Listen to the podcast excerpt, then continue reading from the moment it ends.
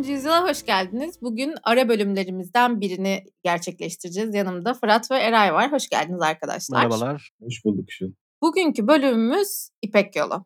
Hemen sormak istiyorum. İpek Yolu nedir ve ismi neden İpek Fırat? İpek Yolu Çin'den Roma'ya kadar uzanan farklı networkleri aslında milat civarında yani o milat olarak saydığımız sıfır yılında onun civarında birleştiren bir yollar network'ü diyelim. Yani büyük networklerin, Hı. ticaret networklerinin buluşması diyelim. Bunun birleşmesinin bir rota değil yani bir yerden bir yere uzanan tek bir şeyi olan. Tek bir yol değil. Ha. Ana 5 rota var. Onun içinde yan yollar vesaire 20'ye yakın yol hmm. var diyebiliriz. Ama esas belki kısa bir yol olarak başladı da sonradan hani bu farklı şeyler eklen eklemlendi mi acaba? Tam öyle değil. Yani hani dediğim gibi daha önceki networkler var. Mısır'dan Barcelona'ya yani bir network var Fenikelilerin kullandığı ya da Çin'den Hindistan'a bir network, yol network'ü var. Bunlar aslında Çin ve Roma büyüyünce ve aslında bir barış zamanına girince Pax Sinica ve Pax Romana deniyor bu barışlara. 300-400 sene hiç savaşmamışlar, iç savaşta yaşamamışlar. Rahata ermişler ve birbirleriyle ticaret yapmaya başlamışlar. Aslında Çin'den Roma'ya kadar uzanan o ilk kullanımlar, hiç aralıksız uzanan ilk kullanımlar daha önce de vardır tabii örnekleri ama bir hani ticaret yolu olarak, gezgin yolu değil, ticaret yolu olarak algılanması 2000 yıl önceye dayanıyor. Hı hı. Yani daha öncesinde şöyle miydi Fuat? Yani daha öncesinde ne ticaret vardı tabii ki ama daha ziyade bölgesel yollar vardı. Yani işte Anadolu'yla belki Mısır arasında vardı. Anadolu'yla İran arasında vardı. Hindistan'la Çin arasında, Hindistan'la İran arasında, Kuzey Afrika ile Avrupa arasında falan Doğu Akdeniz'de vardı. Bunların hepsinin birleşmiş hali gibi düşünebilir miyiz? Birleşmiş hali çünkü Çin ve Roma çok büyük imparatorluklar haline geliyorlar. Sınırsız servetleri var ve bunda iki odak arasında aslında eski dünyanın iki odağı arasında büyük ticaret başlıyor. Daha önce tabii ki hani giden gelen işte farklı şeyler satan insanlar olmuştur. Ama yani hani Konya bölümünde de söylemiştik ta Çatalhöyük'ten beri 7-8 bin yıl önce işte ticaret var tabii ki yani mal alıp satımı, takası vesairesi. Hani Lidya, Sardes hani hepimizin bildiği orada paranın bulunması vesaire bir ticaret var. Ama büyük ticaret yani aslında Avrupa ile Amerika'nın bağlanması gibi ya da işte şimdi Çin'le diğer ülkelerin bağlanması gibi büyük ticaret, büyük ticaret hacmine aslında 2000 yıl önce ulaşıyor. Ve İpek yolu tanımı da 19. yüzyılda ortaya çıktı. Ama İpek yolunun ortaya çıkması da dediğim gibi 2000 yıl önce başlıyor. Yani şöyle diyebiliriz esasında son 500 senedeki transatlantik yol gibi işte Avrupa Amerika arasındaki veya işte Transpasifik o zamanın dünyasında tabii deniz ticaretinin de çok deniz taşımacılığının çok gelişmemiş olmasından dolayı daha ziyade karayoluyla falan ve büyük iki ekonomik güç arasındaki ticaret otoyolu. Ticaret otoyolu evet. Çok doğru benzetme oldu. Aslında ticaret otoyolu ve çevresinde de uygarlık gelişiyor, uygarlıklar gelişiyor. Bizim bu programımızı yapmamızın sebebi aslında Türk ve İslam uygarlığında da çok etkili bir ticaret yolu olması. Ona birazdan değineceğiz. En çok neler taşınmış bu yolda? İsminden de anlaşılacağı gibi en çok taşınan mal, meta, ipek. İpek aslında imparatorlukların, büyük imparatorlukların ortaya çıkmasıyla beraber soyluluğun ve statünün bir göstergesi. Birçok yani Bizans'tan, Roma'dan, işte Çin'den, Hindistan'a kadar kralların kıyafetleri ipekten yani soylu sınıfın diğer sınıflardan ayrılmasını sağlayan ana kıyafet genellikle ipek. Şöyle de bir durum var tabii. Çin'den Roma'ya kadar bir mal taşıyorsunuz ve onun bir karşılığı olması lazım. O kadar yolu tepmenin, o kadar ay yollarda kalmanın bir maliyeti var ve bu maliyeti aslında karşılayabilecek tek meta yani ender metalardan biri diyelim. Ana taşınan şey ipek yani isminden de anlaşılacağı gibi ama kim üretiyor?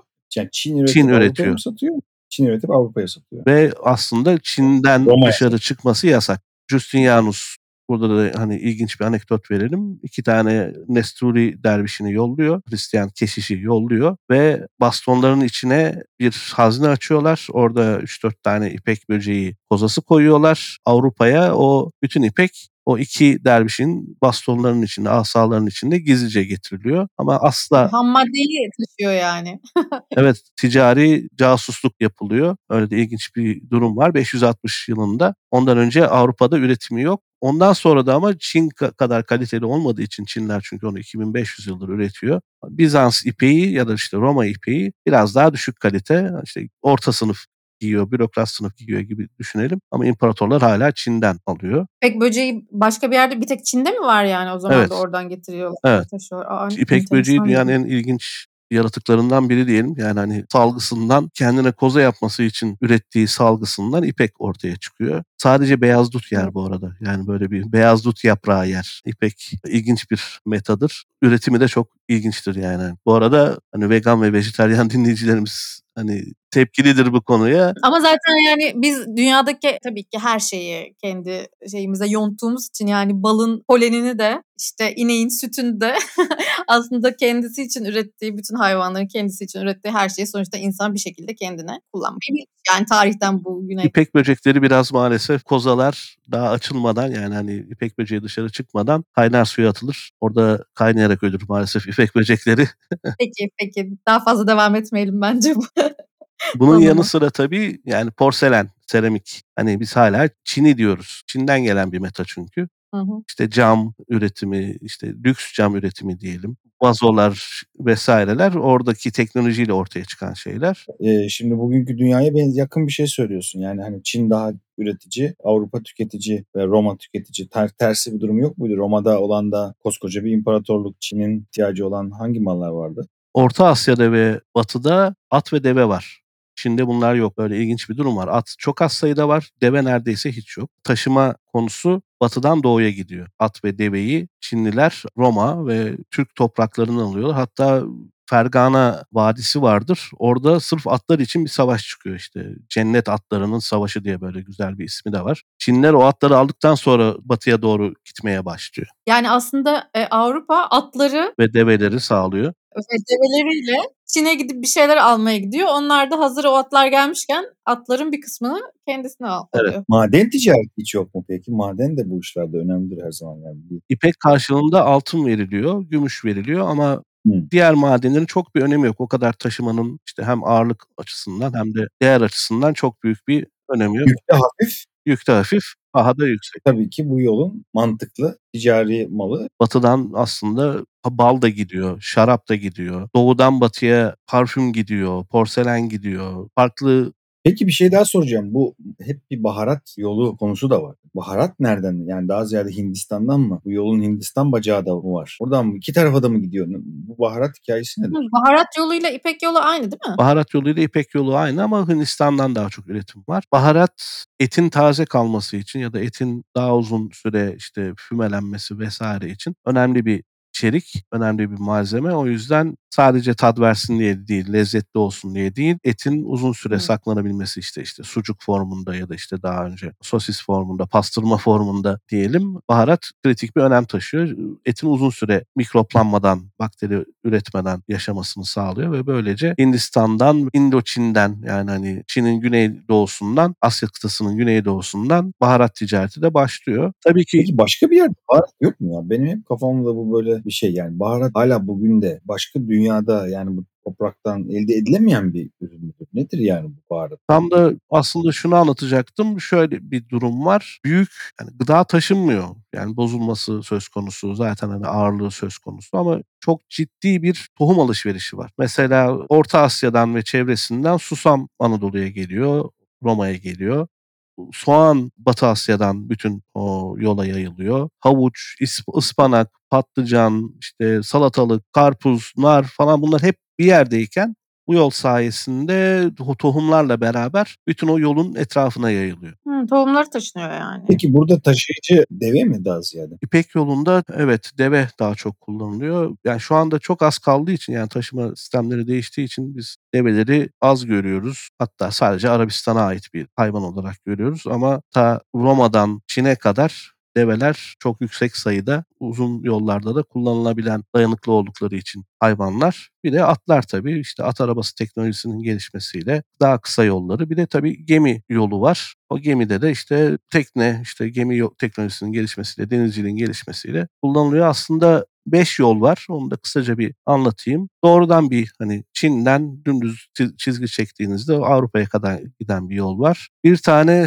güneyde bir yol var. İşte Karakurum dağlarından daha dağlık yollarda. Burası daha çok savaşlar arttığı zaman kullanılıyor. Evet, oradan gitmezsen şimdi bizim o e, Çin'den esasında direkt Avrupa'ya giden yol dediğin yol Çin'den başlıyor. Bugünkü Uygur Türklerinin olduğu bölgeden geçiyor. Ondan sonra Taklamakan Çölü'nün iki kol olarak bir güneyinden bir kuzeyinden geçiyor. Tianshan Dağları'ndan devam ediyor. Daha sonra bizim muhteşemlerimizin geldiği Orta Asya bölgesine özellikle işte Semerkant, Buhara, Mevlana'nın doğduğu Merv, yine Gezdi, Nişabur, Bağdat gibi böyle bir uzun bir yol Anadolu'dan da geçiyor galiba. Anadolu'da nereden geçiyor? Tam bir bilgi verirsek aslında 9000 kilometrelik bir yol. Bu sadece Çin'de 4000 kilometreye varıyor bu network. En batıdan başlarsak Venedik zaten ticaretin başkenti. Roma yani Hristiyanlığın büyüdüğü ve yayıldığı yer. Sonra tabii ki Konstantinopolis, İstanbul büyük geçiş noktası bir de deniz ticaretinin önemli bir noktası. Bursa var. Bu İpek yolu olduğu için sonra İpek Anadolu topraklarına getirildiği için Bursa'da bir merkez haline geliyor. İlginçtir Beypazarı var. Hani Beypazarı Orada yani büyük bir kervansaray var. Hala uluslararası ticarette uluslararası iş insanları üreten bir yer. Adana var, Konya var, Antakya var. Beypazarı dedi Ankara. Evet ama Beypazarı daha büyükmüş o zaman kervansarayları daha büyükmüş. Adana, Antakya, İzmir, Trabzon Karadeniz'e yayılması için. Malatya, Erzurum, Sivas aslında bizim muhteşemlerin neredeyse hayatlarının geçtiği yerlerin çoğu İpek yolu üzerinde. Azerbaycan'a geçtiğimizde Bakü var. O Hazar Gölü çevresindeki ticaret oradan yürüyor. Tiflis ve Batum Gürcistan'da var. Ermenistan'da hala başkent olan Erivan oluyor. Tabii güneyden giden bir yol var. Orada Lübnan'da Sur kenti, o zamanki Tire diye anılan Sur kenti ve Beyrut yine hala limanıyla öne çıkan. Suriye'de hala hiç değişmemiş. Halep, Şam, şimdi hani harabelerini gördüğümüz Palmira antik kenti ticaretin önemli yönlerinden biri. Irak'ta Musul, Erbil, Samarra, Felluce, Bağdat ki Bağdat özellikle İslam orduları gelişince ve İslam ticaretin içine girince en büyük noktalardan biri oluyor. İran'da Tebriz, Hamadan, Nişabur bizim yine muhteşemlerimize çok dinleyeceğimiz ve kum kenti. Türkmenistan'da Merv önemli bir geçiş noktalarından biri. Şu anda Özbekistan topraklarında bulunan Buhara zaten hani çok değineceğiz yine. Semerkant, Taşkent, Fergana meşhur vadinin içindeki Kokant ve Andijan kentleri var. Tacikistan zaten hani başkenti itibariyle işin içinde. Kazakistan'da Otrar bu Moğolların işte... Kaşgar var mı? Var. Eskiden Hazreti Türkistan olarak anılan, şu anda Türkistan olarak bilinen ve bizim muhteşemimiz şu anda konusunu devam ettiğimiz muhteşemimiz Ahmet Yesevi'nin türbesinin bulunduğu Hazreti Türkistan. Şu anda Türkistan'da İpek yolunun önemli duraklarından biri. Almata var. Kırgızistan'da Bişkek var. Afganistan'a geldiğimizde yine Belk işte. Ya bir dakika Amerika hariç her yer var diyeceksin evet, bence de. Aslında biraz öyle.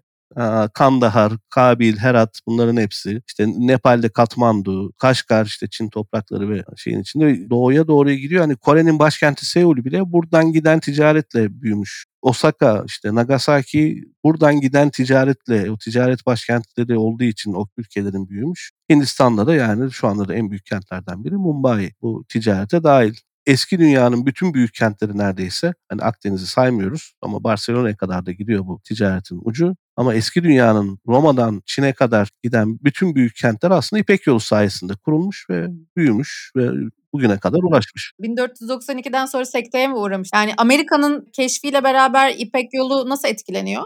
Amerika'nın keşfiyle beraber Kuzey Amerika'da ve Güney Amerika'da neredeyse Avrupa'nın 4-5 katı altın ortaya çıkıyor. Altın bir anda dünyanın ana değeri oluyor diyelim. Para sistemlerinde ortaya çıkmasını daha sonra işte bankacılık sistemine kadar varan sürecin ortaya çıkmasını aslında Güney Amerika'dan gelen çok yüksek oranda altın başlatıyor. Ve işte patatesten domatese kadar işte mısıra kadar orada üretilen ve burada daha rahat üretilebilen ve insanların daha rahat doymasını sağlayan bir takım bitkiler de yavaş yavaş geliyor. Tütün mesela Amerika'dan geliyor ve oradan gelmeye başlayınca bir de uzun yol yani bir de baktığımızda neredeyse 10 bin kilometreye varan baştan sona gitmesi işte develerle minimum 18 ay, normalde ortalama 2,5 yıl alan bir yol. Kendi içinde Amerika mı? Yok şey, Roma'dan Çin'e kadar giden İpek Yolu'nun Roma'dan Çin'e. giden yol 9600-10.000 kilometre civarında ve 18 ayda zor alınıyor. Bir de üstünde Osmanlı İmparatorluğu'na haraç vereceksin. İşte diğer ülkelere haraç vereceksin yavaş yavaş. İşte orada şunu düşünmek lazım esasında.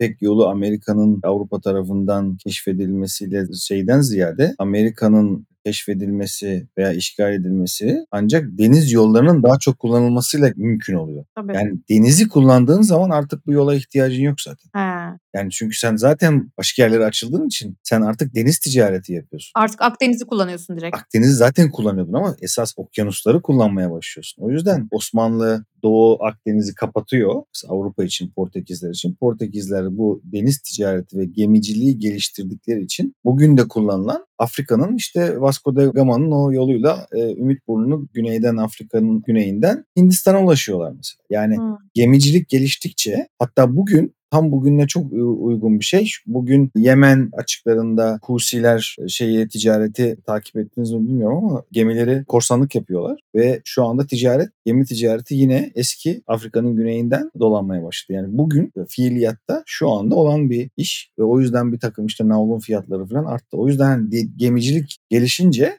kara ticareti ve tabii Amerika gibi bir olağanüstü büyük bir Amerika derken hem Amerika, Kuzey Amerika hem Güney Amerika bulununca zaten olağanüstü bir doğal kaynak var. Madeninden bitkisine bu sefer doğal olarak şey oraya geçiyor. Transatlantik oluyor ondan sonra. İpek yolunun adı transatlantik oluyor. Şöyle de bakabiliriz. Osmanlı Kırım'dan Mısır'a kadar aldığı için bütün yolu tıkıyor. Aslında gidilebilecek bütün yolu tıkıyor. Ve Christoph Kolomb Hindistan'ı bulmaya gidiyor aslında Amerika'ya.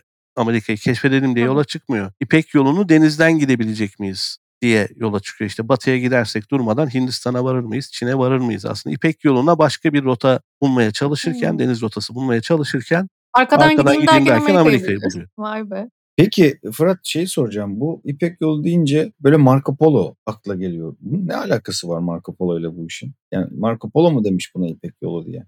19. yüzyılda Friedrich von Richthofen diye bir insan İpek yolunun ismini koyuyor bir tarihçi, coğrafyacı, tarihçi. Ne güzel okudun adını adamın.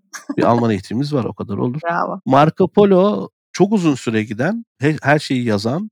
Bu arada Marco Polo yolculuğu sırasında Çin, Moğol, Yuan Hanedanı, Moğol asıllı Yuan Hanedanı yönetimi altında gidip orada 7 sene kalan, 7-8 sene kalan, orada Kubilay Han'ın yardımcılığını yapan, oradaki kültürü iyi belgeleyen bir insan. 24 sene boyunca bütün o İpek yolunu gidip geliyor. 3-4 kere gidip geliyor bildiğim kadarıyla, hatırladığım kadarıyla ve orada belgeleyen ilk geniş şekilde oradaki yaşantıyı işte oradaki yaşantının buraya etkilerini belgeleyen insan ölüm döşeğinde şunu söylüyor. Venedik'e döndükten sonra bütün anılarını yazıyor ama biraz erken ölmüş diye düşünüyor kendisi de. Yaşadıklarımın sadece yarısını kaleme alabildim kitaba aktarabildim diyor. O dediğim gibi 10 bin kilometrelik yolun üzerinde birçok macera yaşayan. Bu arada Niccolo Maffeo diye iki tane de kardeşi var. Onlar da yani hani Marco Polo öne çıkıyor ama iki kardeşiyle beraber bütün bu yolları gidiyor. O dediğim gibi kaleme alan, meşhur eden bir yandan da batıya bak orada böyle güzellikler var diye anlatan insan olduğu için öne çıkıyor. O zamanın YouTuber'ı mı yani? O zamanın YouTuber'ı bu arada o da muhteşem sayılır. Yani bizimkilerle çağdaş. 1254'te doğ- doğuyor, 1324'te ölüyor.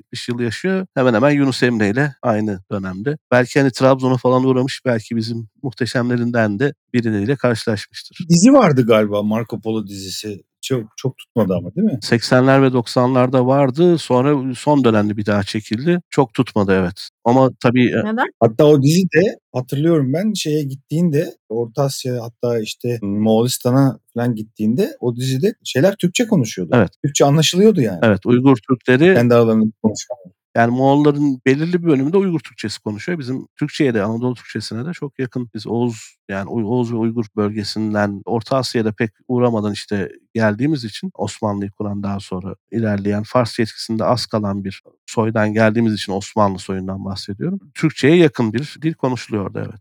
Bu arada Marco Polo kadar tabii İbni Batuta da yani çok yani en önemli tarihçilerinden biridir. Belki Marco Polo'dan çok daha fazla gezen, bütün o bölgeyi işte Hindistan'da kadılık yapan, Maldivler'de yazarlık yapan, çok da macera yaşayan bütün dinleyenlerimize de önerelim. İbni Batuta'yı da mutlaka okusunlar. Çok olağanüstüdür seyahatnamesi. Peki Fırat bir şey soracağım. İşte tohum, ipektir falan bunların haricinde İpek yolu rotaları başka neler için kullanıldı? Başka mesela hangi teknolojiler yani o zaman teknolojilerini yaymak veya işte haberleri iletmek için falan da kullanıldı mı?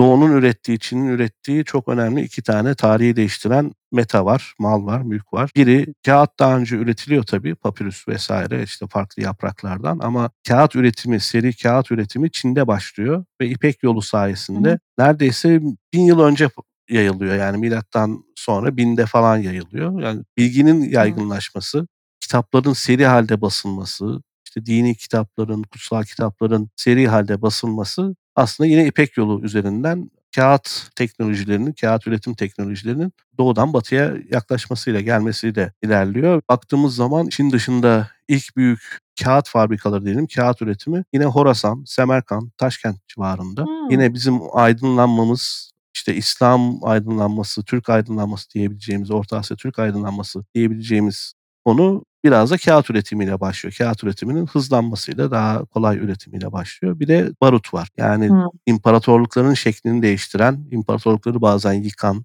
işte o surlar içindeki yaşamı, burjuva yaşamını, burjuva aslında surun içinde, burgun içinde. Oradan mı geliyor? Kalenin içinde yaşam, evet kalenin içinde yaşayanlar denir. O burjuva yaşamı aslında biraz yıkan, yani artık onları koruyacak akınlardan, dışarıdaki etkilerden koruyacak duvarlar artık barut sayesinde iniyor. Yine bizim Anadolu aydınlanması muhteşem 13. yüzyılımızın da Rönesans'ında aslında eski gücünde olmaması barut sayesinde. Barut nereden nereye peki? Çin'de üretiliyor ilk kez. Hepsi, Hepsi Çin'de, Çin'de yani evet. kağıtta, barutla, ipekte aslında Çin yani tıpkı bugün olduğu gibi aslında bayağı bir... Bin yıl öncesine kadar teknolojide çok ilerideler. Çin tarih boyunca özellikle son 400 yıl dışında dünya ekonomisinin hemen hemen her zaman %30'unu olmuş. Hmm. Yani sadece işte özellikle son 500 yılda Avrupa'nın Amerika ile beraber transatlantik yoluyla beraber ki olağanüstü gelişmesi son 500 yıl dışında bakarsak dünya tarihinde hep aynı şey tekrarlamış. Sanki şu anda biz Avrupa'nın düşüşe geçmesiyle normale geri dönüyoruz. Evet değil mi? Normale geri dönüyoruz gibi. Daha doğunun da daha ağırlığın arttığı, daha dengeli bir dünyaya geri dönüyoruz gibi gözüküyor. Yine günümüze benzer çok önemli bir durum var. İpek yolu üzerinden maalesef hastalıklar da taşınıyor. Hmm, e tabi. Justinian vebası 6. yüzyılda, sonra 14. yüzyılda büyük işte kara veba evet. ve bugün de işte Covid-19'u yaşadık. Üçü de Çin kaynaklı ve yine ticaret yolları üzerinden, ticaret üzerinden Avrupa'ya kadar gelen farklı coğrafyaları, farklı ekosistemlerin birbirine bağlanması. Büyük bir ihtimalle Çin'de insanlar dayanıklıyken buraya geldiğinde o mikrop ya da bakteri ya da virüs yeni yayılma alanları buluyor ve o ticaretin biraz da olumsuz yönü büyük salgınların kervanlar yoluyla işte ticaret yoluyla günümüzde de işte yine Çin ticareti yoluyla yayılması oldu. İpek yolu hastalıkları da taşımış. Çok acayip. Ya Çin'de game changer olmuş bir dünyada. Bugüne kadar öyle yani. Tabii Çin'de tabii çok hayvanlarla çok iç içeler ya. Onun çok etkisi var. Bu virüslerin hemen hemen hepsi hayvanların virüslerinin insana atlaması. Çok şu anda bizim hayatımızda insanı çok zorlayan virüslerin hepsi hayvanların virüsü.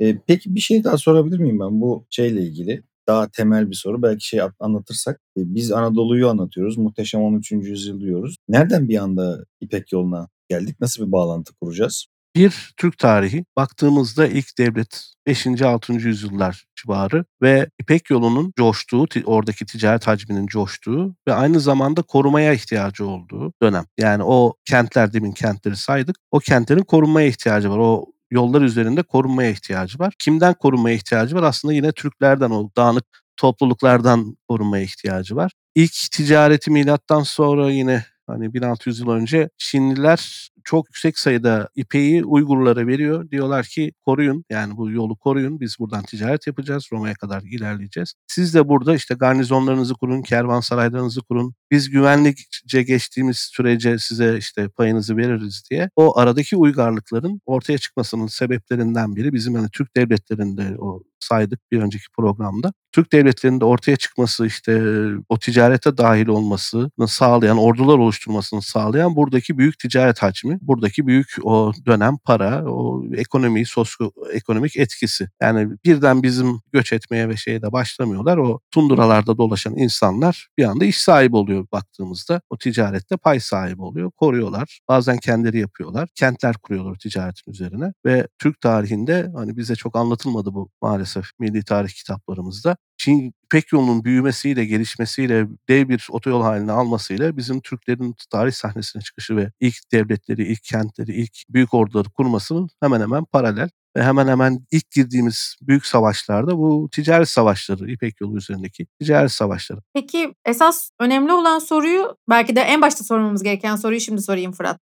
İpek yolunun bizim muhteşemlerimizle bağlantısı nedir? İpek yolu ticaret hacmi sağlıyor ama fikirlerin de, dini inançların da, pek çok farklı akımında, biliminde, matematiğin de yayılmasını sağlayan önemli bir yine aynı benzetme yapacağım otoyol ve bu otoyolun büyük kesişme noktalarından biri de yine bizim muhteşemlerimizin hikayelerinde çok ismi geçecek ve aslında bir özel bölümde de anlatacağımız Horasan, Horasan ve çevresi. Biz hep dizilerde, hikayelerde, diğer şeylerde biraz çölden gelen, işte çölden atın üstünde gelen insanlar olarak görüyoruz Türkleri. Maalesef bize öyle anlatıldı. İşte savaşarak gelen, önüne geleni yenerek gelen. Ama o Horasan yöresindeki çok büyük bir ticaret, ekonomi, bilim, inanç karışımlarından geliyorlar. Hristiyanlığı da değiştirmiş. Hristiyanlık oraya geldiğinde de değişmiş.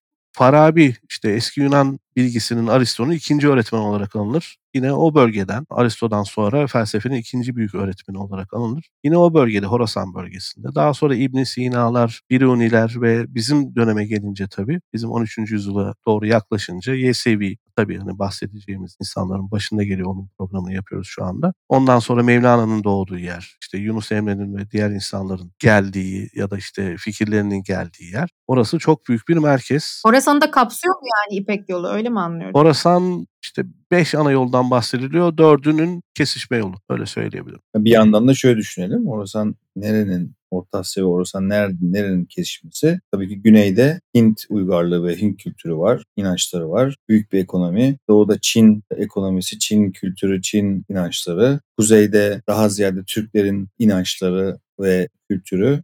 Batıda İran, Persler, Farslar. Onun batısında Mısır, eski Mısır. Roma, bütün Akdeniz, Anadolu tabii ki ve geçmiş Anadolu, 10 bin yıllık Anadolu. Bu durumda bakınca gerçekten hani dünya haritasına bakınca bunların hepsinin ortasında olan yer burası. Horasan. Horasan ve Orta Asya ve bizim muhteşemlerimizin hepsinin geldiği yer. Dolayısıyla biz İpek yolunda hem malların hem bazı teknolojilerin hem de fikirlerin ve kültürlerin taşındığını söyleyebiliriz rahatlıkla. Tabii ki günümüze taşımak için şöyle bir benzetme yapalım. Eray demin transatlantik yolundan bahsetti. Avrupa'dan geliyor. Büyük oranda New York'ta limanda indiriliyor ve oradan yayılıyor. Yani tam ortası New York. O dönemin New York'u Horasan diyebiliriz. Çünkü bütün o ticaret yollarının, bütün işte dinlerin, inanışların, bilimin, matematiğin vesairenin kesişme noktası. Daha önceki programlarda bahsettik, sonra da bahsedeceğiz. İşte Hint'te sıfır fikri ortaya çıkıyor ama tam formülleştirilemiyor Hintli matematikçiler tarafından. Sonra El Harizmi onu ortaya çıkartıyor, daha formülleştiriyor. Sonra algoritmayı ortaya çıkartıyor oradan bir sıfır değerinden. Yani Hintlerden etkilenip bir formül ortaya çıkartıp matematikte bir teknolojik ilerleme işte bilimsel ilerleme ortaya çıkartıp sonra batıya taşıyor. Yani Orta Asya'da yaşanıyor o dönemin büyük buluşları, büyük ticari ilişkileri, büyük ekonomik atılımları. Peki İslam'ın yayılmasına nasıl bir katkısı oldu İpek yolunun? Bir önceki programda bahsettik. Çok hızlı bir şekilde batıya yayılıyorlar. Bir yandan da bakarsak İpek yolunun son tarafına yani batıdaki son kilometrelerini ele geçiriyorlar diyelim. İşte Anadolu'yu ele geçiriyorlar. Kuzey Afrika'yı ele geçiriyorlar. Daha sonra işte İskenderiye'yi, Mısır'ı ele geçiriyorlar ve onun ardından da Şam ve Bağdat ele geçiriliyor. Aslında yolun sonu, yolun işte büyük ticarete döndüğü yerlerden büyük bölümünü batı tarafına ele geçiriyorlar ve sonra bu tarafta işte Roma'dan dolayı çok fethedilecek yer kalmadığı için kuzey doğuya doğru ilerliyorlar ve orada Horasan var. Horasan konusunu ana hatlarıyla Eray daha iyi anlatır. Aslında ona bir soralım. Horasan'ın bizim adamlarla olan bağlantısı tabii ki Müslümanlık. Horasan'a Müslümanlık geldiğinde yine geçen sefer konuşmuştuk. Emevilerin, Orta Asya'nın Emevileri devirmesiyle beraber Horasan düşüncesi Müslümanlığa da baskın çıkmaya başlıyor. Müslümanlık anlayışını da değiştiriyor yani. Önemli bir şey söylüyorsun. Müslümanlık oraya gelmiyor. Orası Müslümanlığı ele geçiyor. Aynı bizim Türklerin geçen konuştuk ya Türkler bunu bir fırsat olarak görüyor. Oraya geldiği zaman Müslümanlık Abbasilerle beraber esasında şekil değiştiriyor ve o yüzden tam bir merkez ilerici dünyanın merkezi ve o yüzden o kadar Müslümanlıkta 500 sene Kültürel bir şey alıyor yani bir yandan da. Twist alıyor. yani 500 sene oranın merkezi oluyor yani Müslümanlık da o zaman dünyanın en ileri e, düşüncelerin olduğu yer esasında. Yani niye? Çünkü zaten hep olan yere e, girmiş, orada şekil değiştirmiş. Bu adamların işte bütün Zerdüştlükten, Budizm'den yani hepsini almış. Aldıktan sonra zaten bunu alınca Müslümanlık bu gelişmeyi, zenginliği, bilimsel gelişmeyi falan geliştirmeye başlamış. İşte Buhara'da bütün hadisler yazılmış. Horasan'la Bağdat yakın mı peki Eray? Yakın. Yakın tabii ki. Tamam çok güzel oturdu benim kafamda şu anda. Bağdat'la yani şöyle düşün. Bağdat'la Tahran zaten birbirine acayip yakın. Dü- Dümdüz yer. İran, Irak. Hani hala o yüzden İran, Irak hala hakim. Hala yani. İşte Abbasilerin merkezinin Bağdat olması, Emevilerin merkezinin Şam olması, merkezin esas Akdeniz'den Orta Asya'ya geçmesi. Horasan'dan bahsettiğimiz zaman anlatırız ama Horasan'ın yani Hor kelimesi, Aur, Ora zaten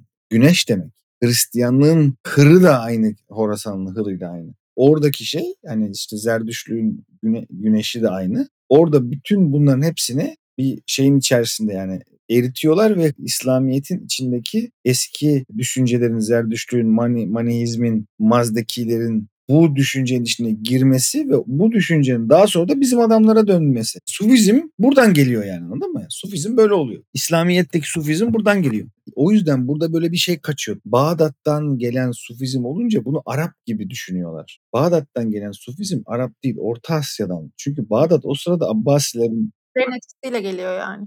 Türklerin ve İran'ın esasında. Daha ziyade İran etkisi. İran dediğinde Horasan işte. Yani onlar da Zerdüşt.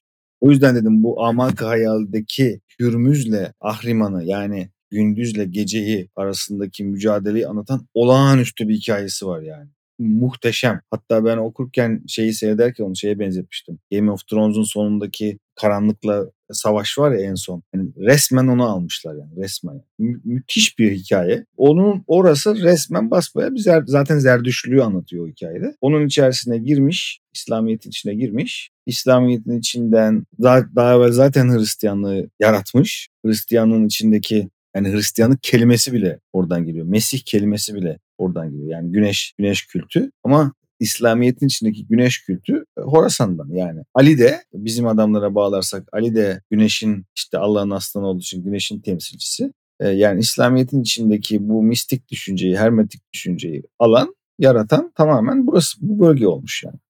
Başka böyle e, trivial hikayeniz var mı İpek yoluyla alakalı? İpek yolunu ilk kuran isim Çin Shi diye bir imparator. 54 yıl yönetmiş Çin'i. Bu Terakota Army vardır. Heykel. Ami mi?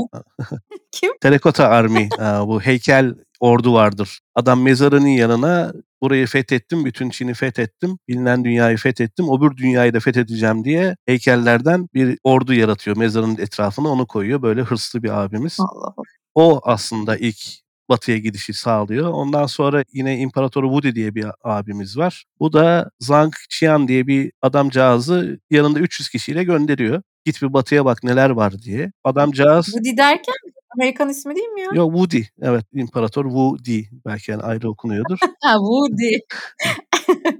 Bu 300 kişi giden adamcağız iki kişi dönüyor. Yanında yardımcısıyla yaveriyle dönüyor. 14 yıl dolaşıyor ama gözleri biraz hani parayla parıldayarak ya ticaret yapabiliriz diyor yani hani yanındaki 298 kişiyi kaybetmiş ama tek başına dönmesine rağmen hani yardımcısıyla dönmesine rağmen Bir fikirle dönmüş. bir fikirle dönmüş ticaret fikriyle dönmüş. Abi bu işte çok para var. Abi bu işte çok para var diye Çin imparatorunu ikna etmiş. İpek her zaman çok bulunan bir şey değil tabii ve Bizans da döneminde işte Doğu Roma döneminde bir bakmışlar yani bir hesaplama yapmışlar. İpek için yılda 145 ton altın gidiyor doğuya. Ya ne yapıyoruz biz hani sırf güzel giyinelim diye bütün altınımızı Çinlilere gönderiyoruz diye bir yasak getiriliyor. Sınır getiriliyor pardon. Yarı yarıya düşürülüyor ipek. Bu sefer de ama gelen ipeği dokurken daha ince dokuyorlar hani yine giyinmek için. Bu sefer transparan kıyafetler ortaya çıkıyor. İşte hani Bizans sarayını düşünün. Herkes ince ipekten giyindiği için içi gözüken kıyafetlerle dolaşmaya başlıyor. Seneca işte ünlü e,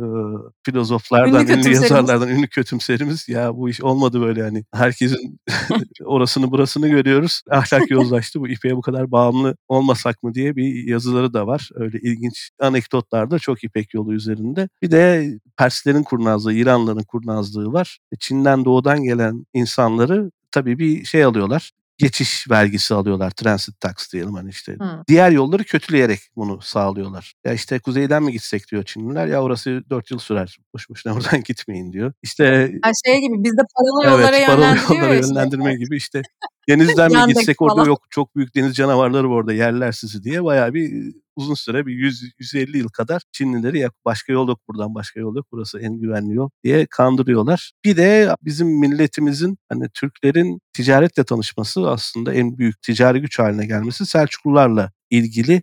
Özellikle Hı. 13. yüzyılda olağanüstü bir kervansaray sistemi kuruyorlar. Karavanların dolaştığı aslında araba oradan, geliyor geliyor. Anlamlı tasfiye oldu. Bir Selçuklu kervansarayında durursanız yemek 3 gün bedava. Bir de yolda yaralandıysanız, hastalandıysanız da sağlık hizmeti bedava. Böyle promosyon kültürümüzde aa, Selçuklu'da İpek yolu sayesinde gelişmiş diyebiliriz. Sigortacılık başlamış yani orada. Yan yollara girmeyin. Bizim oksijene gelin. Bedavadan benzin veriyoruz. Buyurun gelin. iki gün kalın. Peki arkadaşlar çok güzel bilgiler oldu gerçekten. Bir sonraki bölümümüzde artık Ahmet Yesevi ile devam edeceğiz zaten. Bu ara bölümdü. Çok teşekkür ederim güzel bilgiler ve sohbet için. Teşekkürler Fırat. Gerçekten çok güzel oldu. Çocuğum sana da teşekkürler. Hem aşk olsun hem de ticaret olsun diye bitirelim. İpek yolundan bahsettik madem. Peki o zaman arkadaşlar görüşmek üzere diyorum. Hoşçakalın. Görüşmek üzere. Teşekkür ederiz. Aşk olsun. Sana da teşekkür ederim bari buradan. Herhangi bir katkısı olmadı ama. Gelmeyince hemen atıp İpek işinden de anladığı için onun da bir ismini geçirelim.